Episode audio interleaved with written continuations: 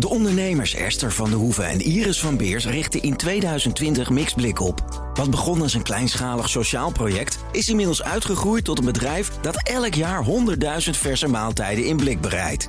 Esther en Iris helpen hiermee migrantenvrouwen op weg naar een betaalde baan.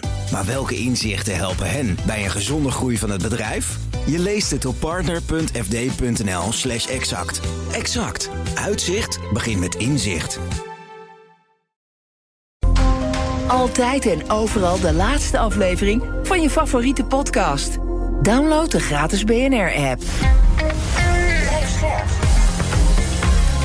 BNR Nieuwsradio. BNR breekt. Ivan Verrips. Goedemorgen en welkom. Vanaf half twaalf praat ik over het nieuws van de dag. Over de Tweede Kamer die toch schoorvoetend akkoord gaat met een debat over de verkiezingsuitslag. Na protest van de voltallige oppositie in de Kamer. Hoe dat zit hoor je zo meteen. En verder is het uh, druk, want die Kamer die buigt zich vandaag ook over de vraag of streamingdiensten, zoals Netflix en Disney Plus, moeten worden verplicht om te investeren in Nederlandse producties. Keiharde munten daarin steken. Is dat een goed idee? Dat ga ik bespreken met mijn twee panelleden. Vandaag Moenja Houari, oprichter van Groei IT. Goedemorgen. Hallo, morning. Fijn dat je er bent. En Jonathan Mol, vicevoorzitter van het CDJA. Goedemorgen. Goedemorgen. We gaan beginnen met... BNR breekt. Breekijzer. En het breekijzer heeft te maken met de haven, Rotterdamse haven en drugs. Want die haven die speelt een belangrijke rol in de wereldwijde cocaïnehandel. Dat weten we. Criminelen maken gebruik van corrupte medewerkers en vrachtwagenchauffeurs... om zo dat haventerrein op te komen om die drugs daar uit te halen. Alleen al in de eerste twee maanden van dit jaar zijn ruim 80 van die uithalers op en rond het haventerrein gepakt. In de strijd om die criminaliteit, criminaliteit te bestrijden... gaan de Rotterdamse havenbedrijven nu duizenden medewerkers en chauffeurs... specifiek laten screenen op strafbare feiten rondom drugscriminaliteit. En in sommige gevallen gaat de AIVD die bedrijven een handje helpen. Gaat dit uiteindelijk het tijd doen keren? En wordt dit het einde van Nederland narco-staat? Ons breekijzer deze ochtend is... iedereen die in de Rotterdamse haven werkt moet maximaal gescreend worden. Ben heel benieuwd hoe jij erover denkt. Misschien ben je eens. Moeten alle, alle middelen worden ingezet om die criminaliteit te bestrijden? En medewerkers van havens echt een wezenlijk onderdeel van het probleem? Of moeten havenbedrijven hun medewerkers ja, niet wantrouwen, maar liever vertrouwen en uitgaan van gezond verstand en voorkomen dat de goede op die manier onder de kwaaien lijden? Ik ben heel benieuwd hoe jij erover denkt. Ons breekijzer dus. Iedereen die in de Rotterdamse haven werkt moet maximaal gescreend worden. 020 468 4 keer 0 Dat is ons telefoonnummer. Nu bellen, kom je zo meteen in de uitzending. Je kan ook van je laten horen via Instagram. Daar heten we BNR Nieuwsradio. Je kan stemmen in de stories, maar het leukste is even bellen. Dus dan spreek ik je zo. Iedereen die in de Rotterdamse haven werkt moet maximaal gescreend worden. 020 468 4 keer 0 Zometeen hoor je hoe Moenja en Jonathan erover denken. Maar ik begin bij Willemijn Aarts. Zij is expert op het gebied van inlichting en veiligheidsdiensten verbonden aan de Universiteit Leiden. En met Martijn van der Beek, directeur van Hofman Bedrijfsrecherche. Goedemorgen allebei. Goedemorgen. Ja, Willemijn, ik begin even bij jou, ons breekijzer. Iedereen die in de Rotterdamse haven werkt, moet maximaal gescreend worden. Is dat uh, verstandig, denk je? Nou, weet je, in stelling is het natuurlijk altijd, altijd lastig. Mm. Maximaal gescreend iedereen. Uh, als wetenschapper vind je dat altijd een beetje, een beetje lastig. Maar ik denk dat het heel goed is dat je het veiligheidsbewustzijn van mensen die op bepaalde posities zit verhoogt. Daar kan, uh, kan zo'n screening een rol bij spelen. Ja, voor zover je daar een beeld van hebt, is dat nu, uh, kan, dat, kan dat beter dan het nu gaat? Nee, dat, dat, dat lijkt wel zo te, te zijn. Hè. Dat gebeurt in, uh, in verschillende sectoren. Eigenlijk veel mensen die um, in aanraking komen met bijvoorbeeld staatsgeheimen, die worden uh, voordat ze aan een baan beginnen gescreend. Hè. Kan je daarmee omgaan? Ben je mogelijk kwetsbaar? Kunnen anderen daar misbruik van gaan maken? En ik denk dat je daar, als je hè, kijkt naar wat er in de haven gebeurt, nog wel een slag kan maken. Ja, de uh, directeur van de bedrijven in de haven, Delta Links, Bas Jansen, die zegt er zit eigenlijk ja, een gat tussen de huidige uh, verklaringen omtrent gedrag. En uh, aan de andere kant heb je misschien als extreem middel de AIVD-screening, wat weer heel ingewikkeld en complex is. Zit daar inderdaad, wat denk je dat daar inderdaad licht tussen zit, dat dat beter kan, makkelijker kan? Het is een, heel verschillend screeningsproces. En ik kan me voorstellen dat juist ook naar die, dat bewustzijn kijken... en ook naar je omgeving, hè, wat maakt jou mogelijk kwetsbaar... dat dat echt van toegevoegde waarde kan zijn. Oké, laten we er eens over verder praten. Ook over de details, hoe dat dan moet, wat wenselijk is, wat niet. Eerst naar Martijn van der Beek van Hofman. Jullie bieden zelf ook uh, pre-employment screenings aan, zoals dat heet. Ons breekijzer, iedereen die in de Rotterdamse haven werkt... moet maximaal gescreend worden. Wat vind jij? Nou, beter screenen, dat is denk ik altijd een goede maatregel. Alleen het gaat erom wel um, uh, gericht screenen. um, dus de VOG kijkt vooral terug naar antecedenten en dat soort dingen. Terwijl wat ik met name interessant vind, is uh, financiële kwetsbaarheid. Uh, je ziet vaak dat mensen toch verleid worden door snel geld. Dus, dus ja, een criminele organisatie weet ook wel dat je mensen met veel antecedenten... ja, dat zijn misschien niet de mensen die je de haven binnen moet brengen... om de containers uit te halen. Uh, maar, maar wel iemand die misschien financieel kwetsbaar is. Dus met name die financiële kwetsbaarheid, uh, dat goed aan de voorkant... en ook tijdens een, een arbeidsrelatie in de gaten houden... en daar hulp en steun aanbieden en nou, daar heel bewust mee bezig zijn... Dat, dat vind ik een hele belangrijke. Ja, en voldoet een verklaring omtrent gedrag dan... of een beetje een opgewaardeerde verklaring omtrent gedrag... of is dat eigenlijk onvoldoende? Nou ja, die, die ziet volgens mij niet op financiële kwetsbaarheid. Die kijkt vooral uh, uh, terug in de, in de justitiële documentatie, uh, met een mooi woord strafblad. Mm -hmm. Ben je bekend bij de overheid voor, voor strafbare feiten. En nou, dan heb je de VOG met, die, die kort terugkijkt, vijf jaar, en een VOG die langer terugkijkt. Alleen ja, financiële kwetsbaarheid, ja, dan denk ik meer aan van staat iemand geregistreerd bij BKR. Ja. Maar ook bij de werkgever zelf. Heeft de werkgever een goed beeld van uh, wie zijn nou de mensen bij wie loonbeslagen plaatsvinden? Mm -hmm. Maar ook afwijkend gedrag. Wie is nou de medewerker die in een hele grote auto aankomt rijden? Ja, daar zou je toch misschien eens een keer een gesprek mee moeten voeren. Als financiële kwetsbaarheid echt een belangrijk thema is. Oké, okay, het is een breder verhaal, dus we gaan zo over de details praten. Eerst een hondje in de studio. Moenja, uh, jij woont in Rotterdam? Ja. Ons breekijzer. Iedereen die in de Rotterdamse haven werkt, moet maximaal gescreend worden. Wat vind jij? Uh, heel eerlijk gezegd, uh, als ik dan even lees dat er nu een pilot uh, plaatsvindt ja. met de VOG. Tienduizenden mensen gaan ze screenen. Ja, ik dacht al dat ze dat deden. Ja, dat, lijkt, dat klinkt wel logisch, toch? Ik kom uit de IT-dienstverlening. Ja. Dan gaat het over IT'ers die gedetacheerd worden bij banken. Het eerste wat wij doen is een screening. Want je mag niet zomaar bij een bank werken. Dus dan wordt er gekeken naar BKR-registratie. Elk jaar moet jij opnieuw weer die VOG aanleveren. Mm -hmm. Dus daar is het niet meer dan normaal. En dan gaat het over een zakelijke context. Dus mm -hmm. ik had verwacht dat we dit eigenlijk al deden. Ja. Dus uh, ja, niet meer dan normaal. Wat ik wel merk en zie bijvoorbeeld in films... en ik weet niet of het in de werkelijkheid zo gebeurt... maar dan zie je wel dat ze ook mensen weten te beïnvloeden... die helemaal niet financieel kwetsbaar zijn... -hmm. of helemaal niet uh, uh, reden zien om die uh, criminaliteit in te gaan... maar die weten ze dan waar ze wonen... die weten dan waar die kinderen op zwemmen zitten... Ja. en die weten ze toch zo te beïnvloeden. Dus of het ook daadwerkelijk ervoor zorgt dat, ze, hè, dat er minder criminaliteit is... dat weet ik niet, maar ik denk wel dat je mensen kan voorkomen... die met die intentie binnenkomen. Maar uiteindelijk zal je nog steeds mensen houden... die door de Ja. verkeerde mensen worden beïnvloed. Dat, dus dat muisspel blijft natuurlijk. ja, en misschien worden ze wel nog heftiger of nog gewelddadiger. Dat Ja. is natuurlijk ook een risico. Ja, gaan ze. Dus- misschien nog jongere mensen zoeken... die je dan gaat die haven proberen te duwen? Ja, Dus de vraag is, eh, lost dat, dat probleem op, weet Mhm. ik niet. Maar het voorkomt wel dat de verkeerde mensen eh, daar binnenlopen... en dat de contacten sneller gelegd zijn. Dus ik zeg ja voor, ik zou eh, de pilot alleen maar uitbreiden. Jonathan, iedereen die in de Rotterdamse haven werkt... moet maximaal gescreend worden. Ja, ik sluit me aan bij de eerste spreker dat een stelling natuurlijk altijd wat extreem is. Ja. Maar voor de rest, ik denk dat de vorige sprekers heel veel interessante dingen hebben gezegd. Het verbaasde mij inderdaad ook een beetje dat uh, dat nog niet op deze schaal gebeurde. Mhm. En met deze intensiteit. En het is wat mij betreft denk ik ook wel een breder verhaal wat, wat al langer speelt. Uh, we hebben het voorbeeld gehad in de Rotterdamse haven met Chinese scanners, Chinese kranen. Mhm. We zijn ons onvoldoende bewust hoeveel nou, mensen met geopolitieke interesse daar rondlopen. Dat is al nou, misschien wel enige vorm van naïviteit dan hoor ik dit verhaal. En eh, zoals je ook terecht aanmerkt, daar ja, een beetje verbaasd dat die screening nog niet uh, op orde is. Mhm. Want dat lijkt een risico wat, uh, wat te voorkomen moet kunnen zijn. Dus ja, ik denk dat. Uh, ik weet niet wat maximaal in deze context is, want ik ben geen expert in Nee. bedrijfsrecherches en screening. Maar dat er een tandje bij moet, dat lijkt me Ja, maar je wil ook geen politiestaat waar iedereen... eh, Nee, maar, elke nee, maar het andere is natuurlijk wel... ehm, eh, onze ministers die vliegen af en aan naar Italië... om te kijken hoe ze daar de problematiek hebben opgelost. En als je... We gaan zo meteen over streamingsdiensten praten... maar het staat daar ook vol met series en films uit de jaren tachtig... Mhm. hoe daar eh, eh, aanklagers werden omgelegd... hoe daar de maffia echt de baas was. Ja. En dat is wel gewoon door kaart optreden... mits natuurlijk een goed plan, is dat wel eh, gebeurd. Dus als je weet dat hier een risico zit qua georganiseerde criminaliteit...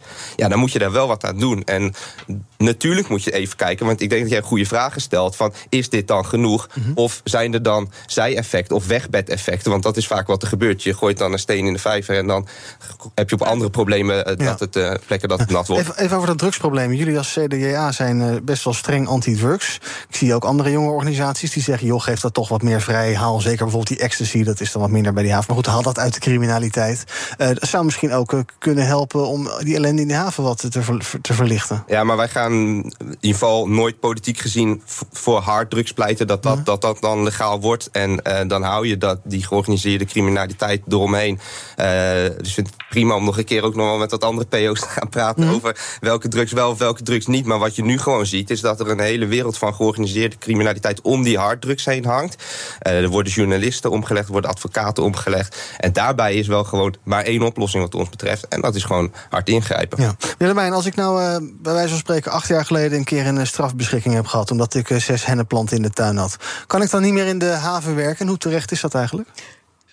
Het hangt er natuurlijk vanaf waar je naar gaat kijken. De, de, de, de screening waar de IVD en de MIVD verantwoordelijk voor, um, uh, voor zijn, die kijken altijd naar, de, naar een specifieke baan. Hè, dus naar je specifieke functie en je specifieke geval. Dus er is niet een soort checklist waar je naar kan, uh, kan gaan kijken en waar je aan moet voldoen. Het heeft te maken met in hoeverre ben jij um, ben je kwetsbaar. Hè? Ben, kan je mogelijk onder druk gezet worden, bijvoorbeeld door die financiële problemen waar we over spraken. Ze kijken in sommige gevallen ook naar je omgeving. Hè? Je kan je ook voorstellen dat als jij um, familie hebt die veroordeeld zijn voor, uh, nou, bij wijze van spreken, het uithalen van drugs, mm -hmm. dat dat een mogelijke um, dreiging met zich mee kan, kan brengen. En naar je eigen veiligheidsbewustzijn. Um, het is eigenlijk een van de onbekendste taken van de, van de diensten, maar waar misschien wel de meeste Nederlanders mee te maken zouden, zouden kunnen, kunnen krijgen. En hoe toets je dat?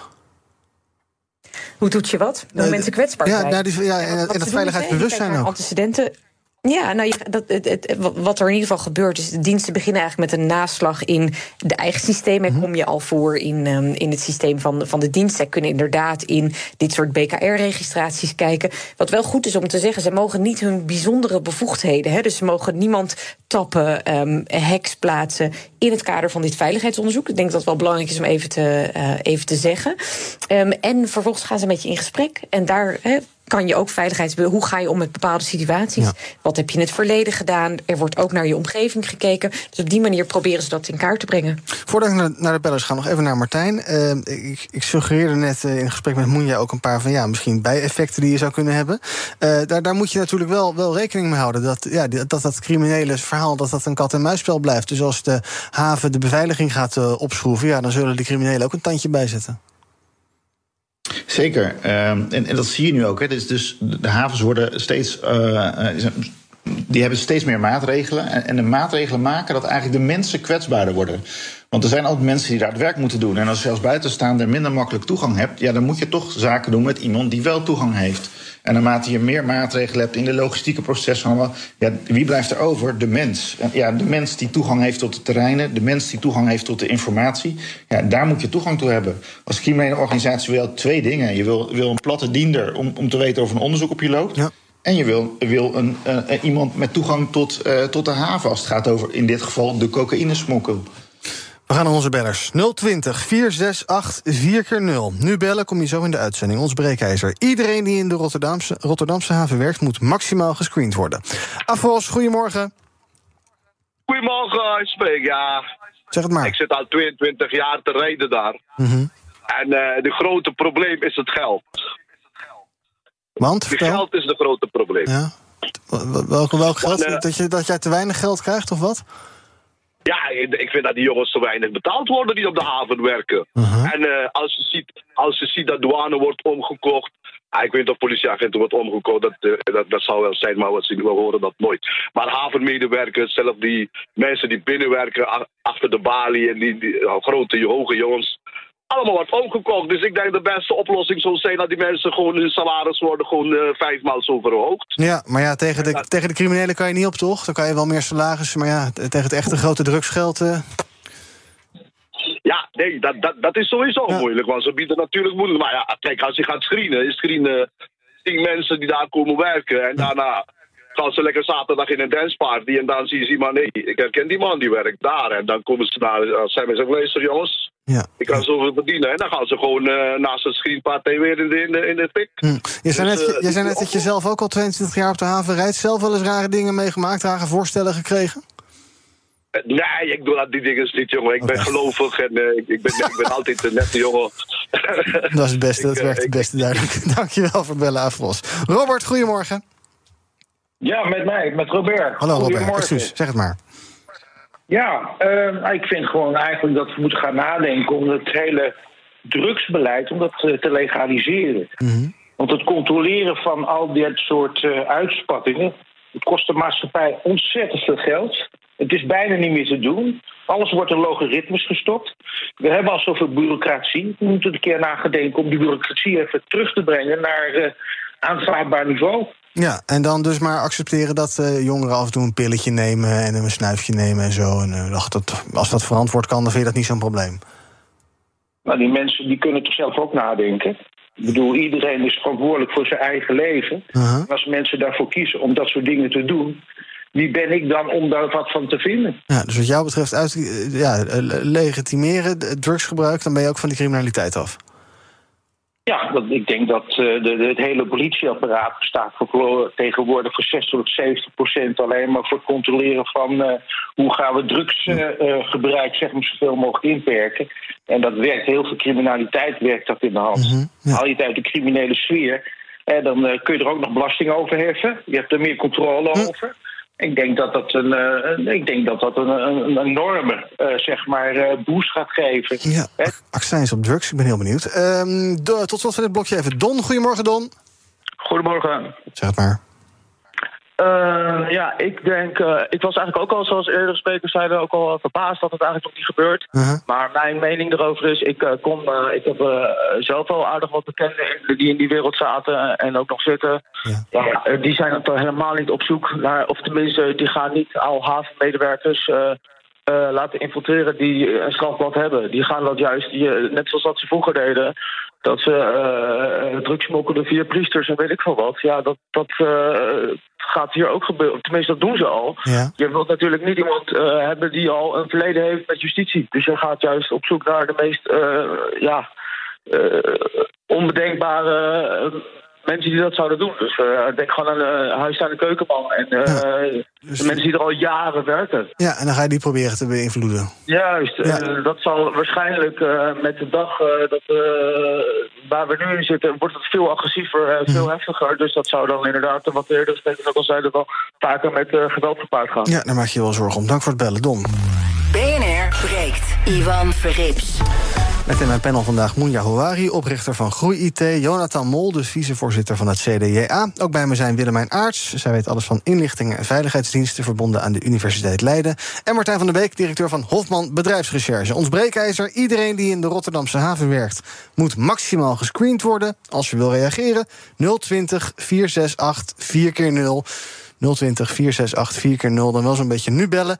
Dan kom je zo meteen nog bij me in de uitzending. Willemijn, wat, wat mag er eigenlijk? Stel, ik werk nu al in de haven. We hadden net uh, een beller, iemand die al 22 jaar op de haven rijdt. Uh, mag je zeggen van, uh, wij willen toch even weten... ook al werk je al heel lang, hoe het met jou zit... met jouw omgeving en jouw veiligheidsbewustzijn? Dat vind ik wel interessant, hè, wat je vaak ziet bij die veiligheidsonderzoeken. Dat is bij de start van een functie. Hè. En dan, dan hè, zeg je dus ook van, nou, op het moment dat ik die functie aanvaard... weet ik dat zo'n veiligheidsonderzoek erbij hoort. Want je moet je wel realiseren, als je echt zo'n een screening door de, door de dienst, dat is best wel invasief. Hè? Dat grijpt in. Je moet um, gaan spreken met iemand uh, over. Ik heb het zelf ook gehad. Dan zit je aan je keukentafel met een, uh, met een medewerker van de dienst. Ik had mijn hele financiële administratie klaarstaan. Ja. Maar je gaat over alles spreken wat je mogelijk kwetsbaar maakt. Ook over je liefdesleven, je familie. Um, en, en dat is het natuurlijk ook. Hè. Het is een momentopname. Vaak is het voor de start van een functie. En dan spreek je daarover. Je spreekt over je veiligheidsbewustzijn. Maar het is een momentopname. Wie zegt dat jij een half jaar later niet in een vechtscheiding beland bent?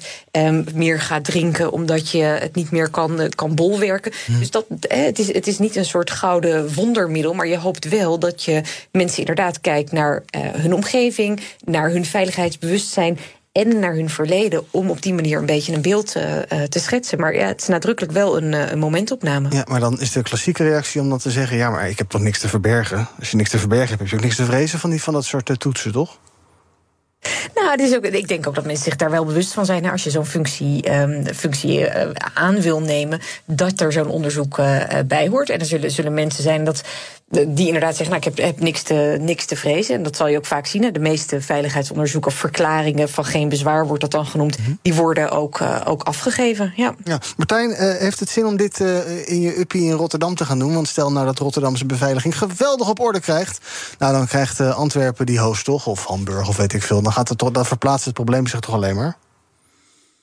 Nou, ik, ik ben met je eens. Als je dit doet, moet je het eigenlijk samen doen. En moet je eigenlijk op één, één manier dit organiseren. Want inderdaad, het is een waterbedeffect. Zoals een van de vorige sprekers al zegt. Als je in Rotterdam heel veel maatregelen neemt, dan zal het onmiddellijk naar Antwerpen verplaatsen.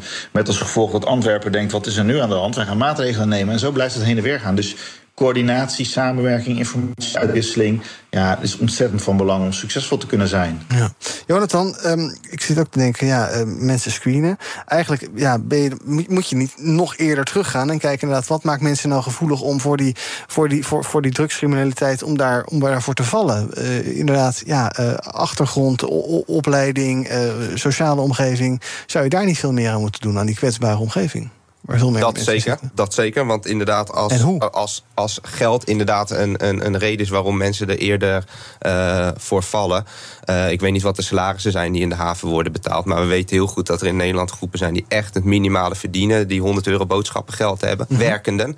Uh, daarom is voor het CDA als sociaal perspectief al een jaar een van de speerpunten. Wij vinden echt dat daar meer op geacteerd moet worden. Dus ja, jouw vraag sluit heel goed aan bij inderdaad ons verhaal. Dat, ja. dat, dat kan een effect hebben dat dat tot dit soort kwetsbaarheden uh, leidt. En nog kort aanvullend, waar, we hebben het nu ook heel erg over de screening. Mhm. En ik ben ook nog wel benieuwd. Uh, hoe zit het uh, als je er eenmaal werkt, dus door die screening heen bent? Want op het moment dat je benaderd wordt, is er ja. dan een nummer waar je naartoe kan bellen? Of is er hulp die je kan inschakelen? Want dat lijkt me ook lastig. Je, je werkt daar, je wordt opeens benaderd. Ja, ik zou, ik zou, me ook, ik zou er echt van schrikken. Maar zo ook ja, en ga dan maar eens bij je baas melden. Ja, die schrikt zich ook rot. Ja, maar ik zou er ook wel wat expertise bij willen hebben. Want ik weet niet hoe ik daarmee om moet gaan. Maar ik zou me wel echt een hoepeltje schrikken. Dus uh, ik denk dat dat ook nog wel een belangrijk component is om mee te nemen. Dat als mensen eenmaal gescreend zijn. Als je binnen bent, wat dan? Hoe ondersteun je dan? Ja, en kan je het objectief maken? Want uh, ik hoorde net die mevrouw zeggen: joh, je kan geen uh, lijstje dat je afvinkt. Mm -hmm. Maar als het dan een gesprek één op één is, uh, moet je echt van goede huizen komen om dan goed te begrijpen of iemand wel of niet kwetsbaar is. Ja. En op basis waarvan baseer je dat dan? En dat je niet allemaal vooroordelen erin gaat verwerken. Precies, en als ik communicatief heel vaardig ben en een beetje iedereen eruit ja. wil, eh, maar misschien wel 100.000 euro nodig heb.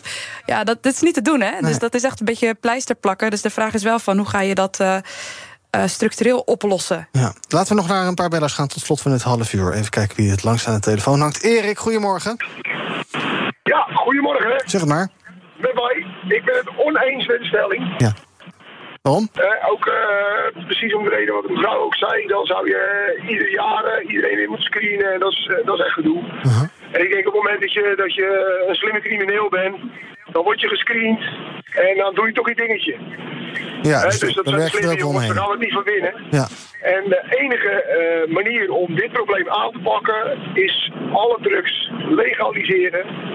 Verboden maken voor jeugd onder 21. Ja. En op het moment dat er dan iemand is die ervoor zorgt dat onze jeugd er toch aankomt, mm -hmm. door het door te verkopen, daar zeer zware straffen voor zetten. Oké, okay, nou voor die discussie zullen we een andere keer nog wel hebben. Dank voor het bellen in ieder geval. Even kijken. Dennis, goedemorgen.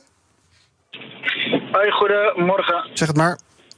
Hoi, ja, ik ben het uh, helemaal oneens met het legaliseren wat de vorige persoon zegt en over de stelling ook. Het probleem moet je bij het fundament aanpakken en dat is gewoon educatief. En dan hebben we het nog steeds over de jeugd, maar laten we beginnen eerst bij de ouderen.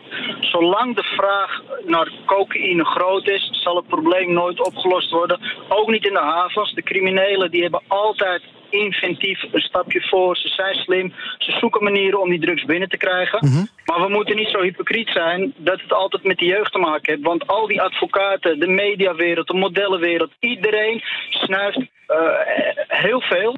En zolang die vraag groot is onder de ouderen ook, want ja. de meeste die snuiven zijn juist de zakenlieden, de beurslieden, uh, kantoorpersoneel. Iedereen die maar zeg maar een beetje stress heeft, die gooit even een lijntje erin. En, en daar moet nou eens eerst mee begonnen worden. Die mensen allemaal stoppen. Als er minder vraag is, zullen de prijzen zullen dan ook dalen, zal het minder interessant worden. En dan kan je ook een beleid gaan voeren over het moeilijk maken om het naar binnen te krijgen. Dank. Maar criminelen in de hele geschiedenis zijn altijd slimmer geweest dan de politie. Er, ze vinden altijd een manier, zolang de vraag groter is dan het aanbod, uh, zal, het zal probleem nooit opgelost worden. Dankjewel ja. Dennis voor bellen. Tot slot, Wonnie. Goedemorgen Wonnie, even kort nog. Ja, goedemorgen. Eh, ik denk dat een eh, één keer een screening bij binnenkomst van uh, functie, Ja. dat dat niet genoeg is, maar dat je periodieke onderhoud met mensen moet praten, eh, van tijd tot tijd weer screenen, kijken hoe de mensen erbij is. Ja, dus het is Want een ik zeg dat ik eh, bij het begin en vijf jaar later niet ja, in een bepaalde situatie kom waar ik wel in de verleiding kom. Nee, het is een doorlopend verhaal, dus dankjewel voor het bellen, Bonnie. Tot slot, Martijn. Er gaan dus nu, nu tienduizenden mensen worden, worden getest, eigenlijk, een soort van. Eh, stel nou dat daaruit komt eh, ja, dat, daar, eh, dat dat foute boel blijkt te zijn. Eh, kan, kan je dan ontslagen worden? En kan je baas dan zeggen: joh, bedankt voor je diensten de afgelopen 15 jaar. Je hebt niks fout gedaan, maar eh, er staat een vinkje niet helemaal goed. En daar is de deur naar buiten. Ja, dat is best een interessante vraag. Dus er zal een wetgeving moeten komen op basis waarvan je mag gaan screenen en op ba- basis waarvan je zeg maar dit allemaal kunt gaan doen. Eh, en de vraag is wel, als we als voor jouw functie eh, die- bijvoorbeeld kwetsbaarheid, bent financieel heel kwetsbaar en je hebt cri- criminele antecedenten of je hebt familieleden die in de drugshandel zitten, ja, dan kan ik me voorstellen dat, gelet op het, het risico wat, wat jij als persoon vormt, dat, dat jij niet langer ergens kan werken. Dat, dat, dat wel degelijk kan gezegd kan worden, ja, wij willen de havens schoonhouden en we kunnen dit op basis van deze wetgeving en deze eh, ja, eh, gerechtvaardigd belang van de werkgevers hebben. Kunnen ons niet verwacht worden dat we dit arbeidscontract voortzetten. Nee. Maar er is toch wel een en ander aan juridisch werk voor nodig. Dus waarschijnlijk. Dankjewel, Martijn van der Beek, directeur van Hofman Bedrijfsrecherche. En ik dank ook Willemijn Aarts. Zij weet alles van inlichting en veiligheidsdiensten... en is verbonden aan de Universiteit Leiden. Op Instagram is 74% het eens met ons breekijzer. Iedereen die in de Rotterdamse haven werkt... moet maximaal gescreend worden. Daar kan je nog de hele dag van je laten horen. En zometeen ga ik met Jonathan en praten... over het andere nieuws van de dag. Over nog steeds de nasleep van de Provinciale Statenverkiezingen... en de Tweede Kamer die daar niet wel, niet wel, niet... uiteindelijk toch wel over wil debatteren. En oud-president Donald Trump. Al dagen gaan de geruchten, vooral door hemzelf gevoed... dat hij zal worden opgepakt. Kijk even naar eh, Reuters en Bloomberg en CNN. Nee, dat is nog niet gebeurd. Maar misschien zometeen wel. Je weet het nooit. Tot zo. De ondernemers Esther van de Hoeven en Iris van Beers richten in 2020 Mixblik op. Wat begon als een kleinschalig sociaal project, is inmiddels uitgegroeid tot een bedrijf dat elk jaar 100.000 verse maaltijden in blik bereidt. Esther en Iris helpen hiermee migrantenvrouwen op weg naar een betaalde baan. Maar welke inzichten helpen hen bij een gezonde groei van het bedrijf? Je leest het op partner.fd.nl/slash exact. Exact. Uitzicht begint met inzicht.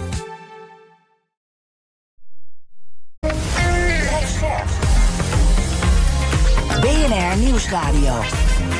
BNR breekt. Ivan Verrips. Welkom terug. Vandaag in mijn panel Jonathan Mol, vicevoorzitter van het CDJA... en Mounja Houari, oprichter van Groei IT. En wij gaan praten over het nieuws van de dag. Maar even te beginnen met eh, de verkiezingsuitslag van de Provinciale Statenverkiezingen. Ja, dat betekende natuurlijk een mokerslag voor de huidige coalitie in de Tweede Kamer. Oppositie wilde dan ook graag eh, daarover gaan praten in de Tweede Kamer. Met het kabinet uiteraard. Ehm, voor voorstel van eh, Jesse Klaver, geloof ik. Maar Pieter Omtzigt die was niet bepaald blij dat de coalitie dat verzoek om een vergadering in eerste instantie weigerde. Het is ongehoord dat de premier niet naar de Kamer durft te komen voor een debat en dat hij hier uit de wind gehouden wordt. Het gaat hier om de kernpunten van beleid. Ja, en voor die collega's die zeggen dat dit geen landelijke verkiezingen waren, dan heb ik toch ander soort politici op televisie gezien de afgelopen tijd. Ja, VVD, D66, ChristenUnie en CDA blokkeerden het eh, verzoek om debat. Maar gisteravond ging de coalitie toch door de pomp. Onder druk alsnog overstag. En nu komt er een debat en dat zal waarschijnlijk op 4 april aanstaande worden gevoerd. Ehm, ja, eh Moenja, ik weet niet waar jij op gelet hebt bij het stemmen. Af vorige, precies een week geleden. Maar het waren natuurlijk provinciale statenverkiezingen. Aan de andere kant, je moet ook even aan de Eerste Kamer denken. En eigenlijk zag je overal op tv allemaal landelijke kopstukken die er niet zoveel mee te maken hebben. Maar nu zijn wel de vraag: wat is het gevolg voor het stikstof? Ja, dat het is toch logisch dat je daarover napraat in de Tweede Kamer? Ja, nee, logisch. En Ja. eh, niet uit de weg gaan. Ik bedoel, het was een eh, dreun voor de meesten. Ik moet wel zeggen, ik ben zelf schuldig aan het feit dat ik niet heb gestemd voor Oh, het eerst. Echt heel erg. Waarom niet? En ik zag wel dat de cijfers iets hoger waren dan vorig jaar. Dus volgens mij had 58% zoiets gestemd. In Rotterdam nog steeds weer waardeloos, Ja. al- zoals altijd. Ja, maar heel veel mensen in mijn omgeving, waar wij heel fanatiek normaal altijd gingen, zijn Ja. we gewoon niet gegaan. Ik was bij klanten die zeiden: Is dat vandaag het stemmen? Oh. Het leefde minder, denk ik. Maar ik denk ook omdat we weinig vertrouwen hadden. Want ik kom bijvoorbeeld altijd uit op de VVD. Dit jaar dacht ik: ja, Ik ga echt niet op de VVD stemmen. en eh dan wilde ik ook iets anders. Maar wat dan? En dan heb ik 10.000 uitslagen. Maar ik merkte gewoon aan mezelf dat ik een soort. eh, het was niet uit luiheid, het was Mhm. meer vanuit. Ja, Verkiezingsmoe of zo. ja, zoiets. Maar dat is Ah. juist niet goed. Want door, Nee. de- door mij en velen die net als mij zijn, zo lui... eh, is dit denk ik ook de uitslag en de reden waarom het zo'n grote klap is geweest. Kan nog blanco stemmen. Eh, Ja, klopt. Maar ik, uh, een soort vertrouwen of Ja. zo is dan weg. Na al die discussies. Dus ik, ik ben één van de schuldigen. Maar ik merkte het voor het eerst aan mezelf dit jaar. Oké, dus jij mag de komende vier jaar niks zeggen, geen kritiek hebben. Nee, ik geef alleen mijn mening. Toch? Ben ik hiervoor. Ehm, eh, we- ja, eh, even praten ook over de eh, rol van de coalitiepartij, Jonathan. Ik zag eh, bijvoorbeeld Henry Bontebal, die zei, CDA-Kamerlid, die zei eerst van ja, eh, het vraagt om reflectie, deze uitslag, eigenlijk eerst binnen onze partij. En eh, daarom hebben wij gistermiddag gezegd van ja, zo'n debat, eh, daar hebben we eigenlijk niet zoveel zin in. Maar dat gaan we nu alsnog doen. Dat is toch wel logisch, of niet? Nou, ik vind het op zich allereerst heel netjes dat Henry daar gewoon eh, eh, eerlijk direct op Twitter zegt dat hij daar niet zo'n goede taxatie in had gemaakt. Foute keuze gemaakt, kan Ehm, eh, het is wel met dit soort debatten. We voeren de laatste tijd in de Kamer vaker van dit soort debatten. Waarbij je wel een beetje afvraagt. Wat is het doel? En eh, voor deze, voor, als je dit debat inplant, dan staan er nog meer dan 100 op de Kameragenda niet worden ingepland. Wat concreet over wet of beleid gaat. Nou snap ik op zich best wel goed dat de oppositie ook zegt. Het landschap lijkt te veranderen, laten we daar eens over hebben. Maar de formaties in de provincie zijn nog bezig. Dus we weten ook nog niet precies hoe, hoe daar de gedeputeerde staten eruit gaan zien. De Eerste Kamer moet nog gekozen worden. Dus ik zou zeggen, ik vind het debat niet zo heel erg gek. Ik vraag me alleen af of volgende week dan de juiste timing ben. Omdat ik bang ben. En dat hoor ik ook veel in mijn omgeving. Als je het dan over vertrouwen in de politiek hebt. Wat, wat, wat jij net ook aangeeft. Dan wordt het allemaal weer op elkaar schieten. Want we hebben het allemaal fout gedaan en lastig en niet gehoord. En natuurlijk moeten we heel veel lessen trekken uit deze verkiezingen. Maar helpt het dan om daar twaalf uur over in de Kamer te gaan eh, debatteren... waarbij mensen alleen maar partijen weer op elkaar zien, katten? Eh, daar hebben wij wel onze twijfels bij. Ja, het zou trouwens over twee weken zijn, maar toch, dat weet je, dat maakt niet zoveel uit. Eh, het maakt het dan wel uit, is het dan wel goed dat eh, gisteren Caroline van der Plas Rutte uitnodigt om eventjes in restaurant De Landbouw in Wassenaar te gaan zitten om daar even te kletsen. En dat Erik van der Burg binnenkort met Van der Plas gaat praten. Want ja, het, zijn, ja, het gaat om landelijke politiek, landelijke kopstukken. Ja, wat, ja ik, snap het, ik snap wel waar het vandaan komt, maar hoe logisch is dat allemaal dan? Het is eh, met een eh, coalitie die al jaren geen meerderheid meer heeft in de Senaat... heel logisch om kopjes koffie te drinken eh, met mensen van andere partijen. Dus ergens ben ik soms ook wel blij dat we in de Senaat niet een, een meerderheid hebben... want dan is het ook goed om, om, om ideeën te hebben die breder worden gedragen... dan alleen de coalitie, want anders is het ook een beetje de coalitie regeert. En ik denk dat het wel goed is om ook af en toe je te laten challengen. Ja, met waarschijnlijk 17 Eerste Kamerzetels wordt de BBB een, een belangrijke factor in de Senaat. Dus dat je daar eens een kop koffie mee gaat drinken... dat lijkt me ook niet meer dan netjes. Nee, en wat was het nou? Een Vietnamese pompoensoep of zo, zei Rutte? Nee, goed. Eh, wat dan ook. Eh, hoe, ehm, wat denk jij, eh, BBB, Moenja? Eh, hoe, gaat dat, eh, hoe gaat dat dossiers als eh, stikstof, maar ook eh, migratie beïnvloeden? Ja, ik ben wel benieuwd. Ik, ze waren natuurlijk zelf verrast dat, eh Ja, zo dat het hadden zo'n succes was, ja. dat hadden we ook niet verwacht. Dus ik denk dat, eh, ik zeg wel dat ze een goede rechterhand had. En eh, nou, mensen om zich heen aan het verzamelen is die haar op andere thema's kunnen, Helpen. kunnen helpen, inderdaad. En ik denk die kopjes koffie helpen natuurlijk ook, zodat inderdaad het idee breder gedragen wordt. Ik ben wel benieuwd. Eh, dat is ook een beetje mijn vermoeidheid van eh, ideeën en praten en kopjes koffie. Weet je, wanneer gaan we over naar dingen doen en wat gaan we Mhm. dan doen? En die executie, dat is altijd wel een kwestie van eerst zien dan geloven. Ja, nou ja, als het aan sommige partijen ligt, dan gaan we een stuk minder dingen doen. En dan gaan we stikstofreductie wat later doen. En dan gaan we asiel eh, niet mensen, niet gemeenten dwingen om mensen op te nemen. Dan gaan we even toch een, een versnellingje lager. Ja, dat is blijkbaar, Volgens mij moeten we versnellen en niet. er zijn heel veel dingen die we nog moeten gaan doen. Ja, maar als je naar de uitslag kijkt, dan wil een groot deel van Nederland eh, toch iets anders. Ja, nee, klopt. Maar Ja. ik denk dat zij heel goed campagne hebben gevoerd. En dat eh, de stemmen wel eh, nu gehoord zijn hoe de bevolking ernaar kijkt. Maar ik denk ook dat het te maken heeft met mensen zoals ik, die dan niet hebben gestemd. Hm. En de mensen waar de thema's nu heel erg actueel voor waren, dat die massaal elkaar hebben aangemoedigd om echt met groepen te gaan stemmen. Dus om gehoor te geven ook aan de thema's die voor hen belangrijk zijn. Dus ja, dan is zo'n uitslag natuurlijk wel logisch. Nou, 4 april dus in de Tweede Kamer gaan we praten over de Provinciale Statenverkiezingen. Dan ander nieuws van vandaag. Er wordt ook vandaag over gepraat in de Kamer. Bij eh, streamingdiensten kan je binnenkort misschien wel eens meer films en series van Nederlandse bodem gaan vinden. Althans, als het aan die Kamer ligt. Eh, De Kamer debatteert vandaag over de vraag of diensten als Netflix en Disney Plus en dergelijke, of die verplicht kunnen worden om Nederlandse producties te maken. Dan heb ik eventjes in mijn eigen Netflix-geschiedenis gekeken. Ja, ik kan er niks aan doen, maar toch Emily in Paris. Uh, de MH370-film, de film over Bernie Madoff, The Crown, Borgen. Er zat eigenlijk vrij weinig Nederlands in. Zit, hoe geldt dat voor jou, uh, Jonathan? Ben je een beetje een uh, seriekijker, Netflix? ja, ik ben wel een Netflix-kijker. Ja? Veel Nederlands?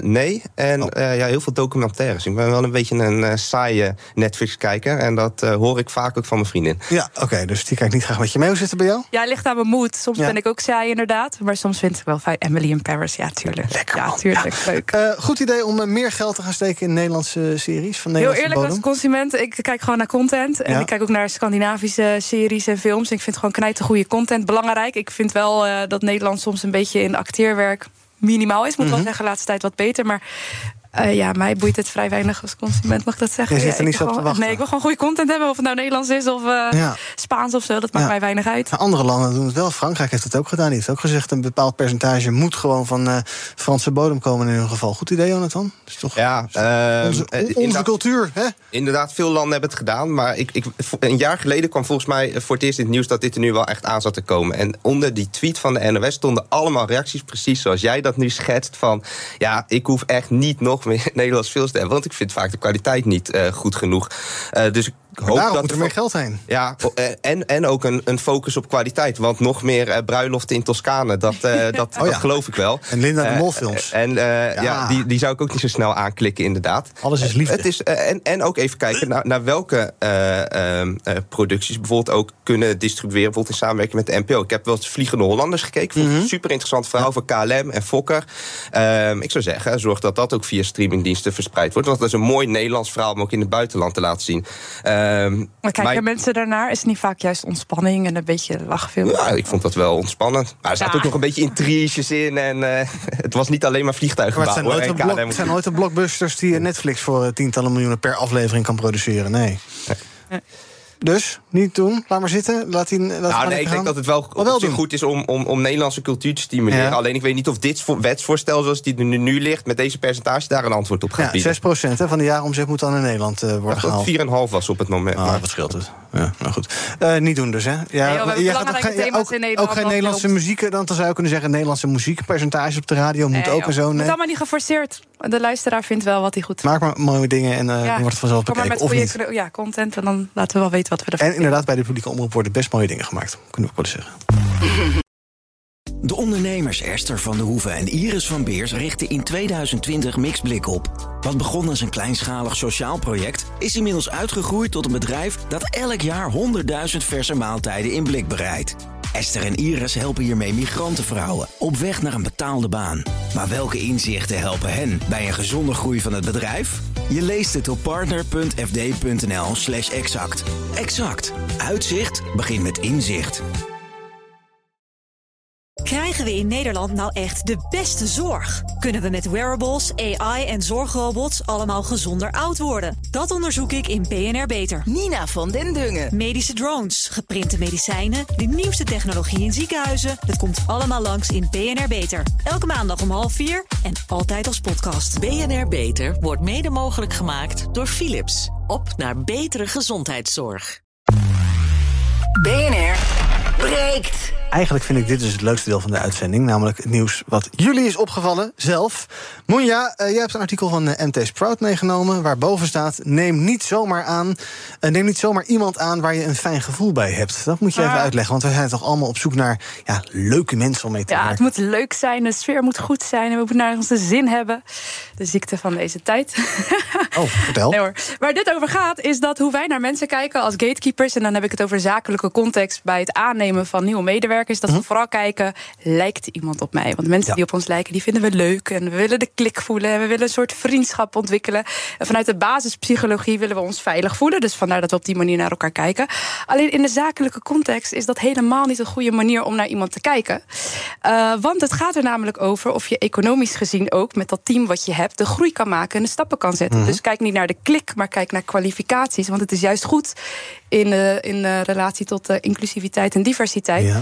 Om ook mensen om je heen te verzamelen die misschien niet met je klikken, maar die wel van toegevoegde waarde zijn op allerlei competenties en vakgebieden. Ja. En wat wij vaak zien is dat soms hebben we echt een knijte goede kandidaat. Maar ja, die vinden wij dan goed, want wij hebben daar een klik mee.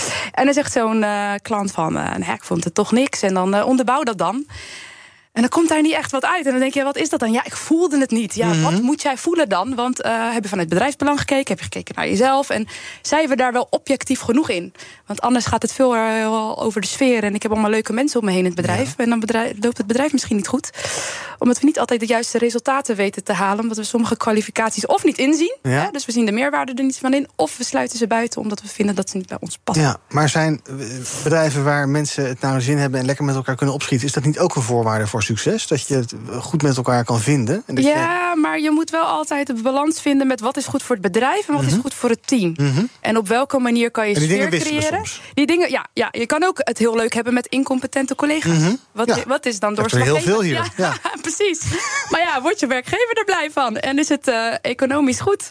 Ja. of nee? Dus de balans is heel erg belangrijk. Dus het gaat niet alleen maar over leuk, maar het gaat ook over: is het goed, ja of nee, voor het team? En is het divers genoeg? Het moet niet ten koste van de sfeer gaan. Ik bedoel, je moet geen zagarijn aannemen. Maar het gaat over zoek de balans daarin. En kijk niet alleen vanuit jezelf, probeer ook collega's bij dat selectieproces te betrekken, zodat meerdere mensen doorslaggevend daarin Ja, zijn. dit was trouwens een grapje, want hier werken alleen echt hele goede mensen Ah, ja. bij BNR. Maar dus het is dat geen ook sfeer, Maar het is ook dat nog eens leuk. Maar eerlijk, als, maar eerlijk is eerlijk, als er allemaal hele goede mensen zouden werken, maar dat zouden geen leuke mensen zijn, zou ik toch naar een andere werkgever op zoek Ja, maar het een sluit het ander niet uit. Oké. Maar eh, wat jij leuk vindt, Ja. is misschien anders dan wat Ja. je collega's leuk En we kennen de clichés en het is ook gewoon zo dat eh, het is al zo simpel als mannen die, die nemen graag mannen aan, want eh, die lijken op hen en dat soort dingen. dat, Dus, zo zijn we allemaal. Ja? We zijn er allemaal schuldig aan. Het gaat over balans in je team. Oké, dus let er even op dat je niet als, een, als je een gesprek hebt, een sollicitatiegesprek, en het, en het loopt niet gelijk, dat je niet denkt van joh, op, we afschrijven, nog naar de volgende. nee. Probeer collega's te betrekken. kijken. Joh, ik, ik heb dit opgemerkt. Wat vinden jullie ervan? Kijk ik er goed naar? Wat zoeken we nou precies? Wat is goed voor het team? Wat is goed voor het bedrijf? Veel meer dat, gesprek, eh, dat soort gesprekken met elkaar Ja, aangaan. en dat is dus gefund vanuit de wetenschap. Vanuit de wetenschap inderdaad. Omdat de zakelijke context anders werkt dan vrienden maken. Jonathan, je wil het hebben over het openbaar vervoer.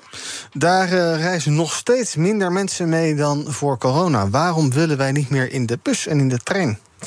Ik denk dat het afgelopen jaar en eh, hoe het, eh, de treinverbindingen gingen daar niet aan heeft bijgedragen. Mhm. Ehm, eh, maar het zou wel heel mooi zijn als dit nummer weer omhoog gaat. Ik geloof dat er 1,3 miljoen keren ingecheckt werd. Voor corona, dat zit nu rond de 900.000. Daar zit best wel een verschil tussen. Waarom is dat belangrijk? Nou, vanuit duurzaamheid. Het is nou eenmaal beter om in de trein te zitten dan in, eh, met de auto te gaan. En je hoort nu ook weer steeds meer van eh, eh, dat de avondspits en de ochtendspits ook weer aan het toenemen is. Dus ik zou ook zeggen, neem ook meer, vooral meer de trein. Eh dan moet ook in Den Haag denk ik nog wel eens even goed naar de prijs worden gekeken. Wij spraken voor de uitzending hier al even kort over. Als jij eh, eh, een, een tweeouder gezin bent met twee kinderen gaat in het weekend... Het is eh, gruwelijk duur. en dan met, naar een museum met de trein, dat is niet te betalen. Daar moeten we echt wel meer een antwoord aan eh, eh, op bieden. Mhm. Eh, anderzijds speelt ook nog mee dat de afgelopen jaren ehm, eh, al die OV-bedrijven zijn geholpen om door de coronatijd heen te komen. En het risico is dat eh, die funding op een gegeven moment gaat stoppen. En dat zal, we staan hier vlakbij het Amstelstation. In Amsterdam zal het niet zoveel impact hebben, want hier zitten de lijnen wel vol. Maar dan zullen er lijnen gesaneerd worden meer in de regio, om het eh, toch maar zo te zeggen. Ehm, en die mensen hebben vaak maar één buslijn per uur of twee bussen. En eh, we maken ons wel zorgen over dat juist die lijnen straks ook gesaneerd worden. Mensen minder mobiel worden. Of tenminste niet meer de optie hebben om van het OV gebruik te maken. En dan sowieso naar de auto moeten. Ja, eh, ik denk ook dat heel veel mensen tijdens corona de auto een beetje ontdekt hebben. Die hebben misschien een tweedehands auto aangeschaft. Dat ging allemaal in een prijs gigantisch omhoog. Dus er was heel veel vraag naar. En ja, dan heb je zo'n ding eenmaal. Dan ga je er ook in zitten. En ja, dan zit- ben je misschien als je in de, af en toe in de file zit... wat langer onderweg op eh, spitsmomenten.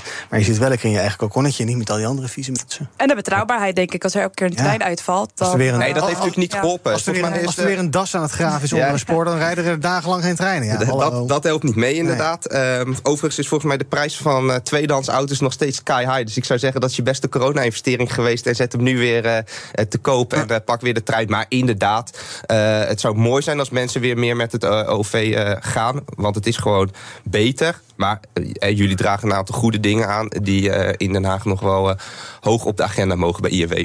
We gaan kijken wat er trending is op de socials. Onder andere hashtag Wereldwaterdag, want dat is vandaag. Koning Willem-Alexander is in New York om dat te openen. Mensen hebben het over eh, bewustzijn, eh, bewustwordingsissues... droogte, overstroming, vervuiling van water, dat soort zaken. Daar is de komende dagen aandacht voor. Hashtag Mores. Eh, zojuist werd bekend dat het hele bestuur van dat meldpunt... voor grensoverschrijdend gedrag in de media is opgestapt. Omdat het bestuur zelf onderwerp van gesprek is geworden... en daardoor ook het imago van het meldpunt wordt aangetast. Zo laat de nu nog voorzitter Amber de Vente weten. En ook trending is hashtag Trump arrest. Oud-president Trump die, uh, hangt een uh, gang naar de rechter boven het hoofd. Althans, dat ja, zegt hij zelf. Ja. Maar ja, dat is natuurlijk ook de schuld van... Uh... You are fake news. Ja. I'd like to welcome the fake news media, which is back there. Ja, dat zijn wij natuurlijk. Fake news of niet, het nieuws gonst tot dagen. Eigenlijk sinds zaterdag. Uh, hij zei toen op uh, zijn eigen Truth Social Network ding... dat hij dinsdag zou worden gearresteerd. Nou, dat was gisteren, maar dat is nog niet gebeurd. De advocaten zeiden toen ook gelijk van... ja, dat heeft hij ook maar uit informatie uit de media die gelekt is. Nou, oké. Okay. aangeklaagd voor een vermeend administratief gesjoemel. Heeft te maken met mevrouw Stormy Daniels... die 130.000 dollar betaald zou zijn. Dat zou administratief verkeerd verwerkt zijn. Amerika wacht in spanning af. Politiemachten in uh, New York, LA, uh, Washington, die zijn al aan het versterken. Ik geloof dat in uh, New York alle agenten zijn opgeroepen om in volledige kleding naar hun werk te gaan. Ja, niet dat, ze anders naakt komen, maar in hun volledige tenue naar werk te komen. Om stand-by te staan, mocht er iets aan de hand zijn. Ehm, ja, Trump die weet de, de, de gemoederen wel lekker bezig te houden weer, Jonathan. Ja, en ik denk dat het eh, na de kapitoolbestorming ook eh, terecht is dat zich men daar, daar zorgen maakt. Maar ik vind het altijd wel een beetje triest als we naar de Amerikaanse politiek kijken en hoe het er daarvoor staat. En dat dat zo gepolariseerd is en zo uit elkaar aan het lopen is dat mensen inderdaad mogelijk na zo'n arrestatie overgaan uh, uh, tot geweld. Mm. Uh, dus vind dit soort situaties ook wel een spiegel voor ons in Nederland. Um, dat we in de politiek ook van elkaar kunnen verschillen. En we moeten vooral discussiëren over die verschillen en ja. argumenten uitwisselen. maar laat het alsjeblieft niet zo gepolariseerd worden als dat het in Amerika is gebeurd. Want ja. dat is, is, feitelijk natuurlijk gewoon al aan de hand. Ja, maar in dit geval natuurlijk ook wel een beetje opgestookt door Donald J. Trump zelf. Hij ja, lijkt het wel leuk te vinden, de sensatie. Ja, maar als we moeten gaan beginnen over wat er allemaal mankeert aan Donald Trump... dan uh, moeten we het volgende uur ook nog uh, ja, nee, blijven staan. We hebben nog een minuut, dus dat gaat hem niet worden. Nee. nee. Uh, Moeja, ja, Trump, als stel nou dat hij aangeklaagd wordt en gearresteerd wordt... dan gaan we waarschijnlijk toch een ander procesje zien dan normaal. Ik weet niet of we dan mugshots en dergelijke gaan zien... maar er is geloof ik wel overleg geweest tussen de aanklager... en de Secret Service en dergelijke. Maar oké, okay, zou dat ja, goed voor hem zijn? In de zin, kan hij dan een soort martelaar worden... en alsnog verkiezingen gaan winnen volgend jaar? Geen idee. Ik ben benieuwd of ze hem überhaupt gaan arresteren. Dat is helemaal niet duidelijk. Dus er is meer commotie en media erover dan dat dat misschien gaat gebeuren, ja, ja, of nee. En hij maakt er natuurlijk gebruik van door te zeggen: joh, ik ga straks lekker met handboeien en dan uh, heel mooi in de camera kijken. Kijk mij. Dus ja. hij lijkt het zelf niet echt heel serieus te nemen. Uh, dus ik heb geen idee hoe het gaat uh, escaleren, ja of nee. nee maar... Misschien wijt het wel weer weg volgende week. Maar ik denk dat het wel goed is dat, dat ze dit aanpakken en dat ze hem hier niet mee weg laten komen. En dat het wel een een duidelijk statement is. Ja, ja. Van, ja, weet je, als je dat hebt gedaan, dan gaan we dat ook onderzoeken. Ja. Oké, okay, nou, we gaan het zien. Uh, nog steeds op dit moment uh, loopt hij vrij rond, Donald J. Trump. En is nog steeds niet aangeklaagd. Maar wellicht ergens in de komende uren of helemaal niet. Kan ook, we gaan het zien. Dank voor jullie aanwezigheid vandaag. Moenja Houari van Groei IT en Jonathan Mol van het CDJA. Morgen ben ik er weer. Tot die tijd volg je ons via de socials. YouTube, Instagram, Twitter. Wij zitten nog wel op TikTok. LinkedIn, uh, zoek maar even op BNR, dan vind je ons daar vanzelf. En zometeen over een paar minuutjes al is Thomas van Zel hier met Zaken doen. De ondernemers Esther van de Hoeven en Iris van Beers richten in 2020 Mixblik op. Wat begon als een kleinschalig sociaal project... is inmiddels uitgegroeid tot een bedrijf dat elk jaar 100.000 verse maaltijden in blik bereidt. Esther en Iris helpen hiermee migrantenvrouwen op weg naar een betaalde baan. Maar welke inzichten helpen hen bij een gezonde groei van het bedrijf? Je leest het op partner.fd.nl slash exact. Exact. Uitzicht begint met inzicht.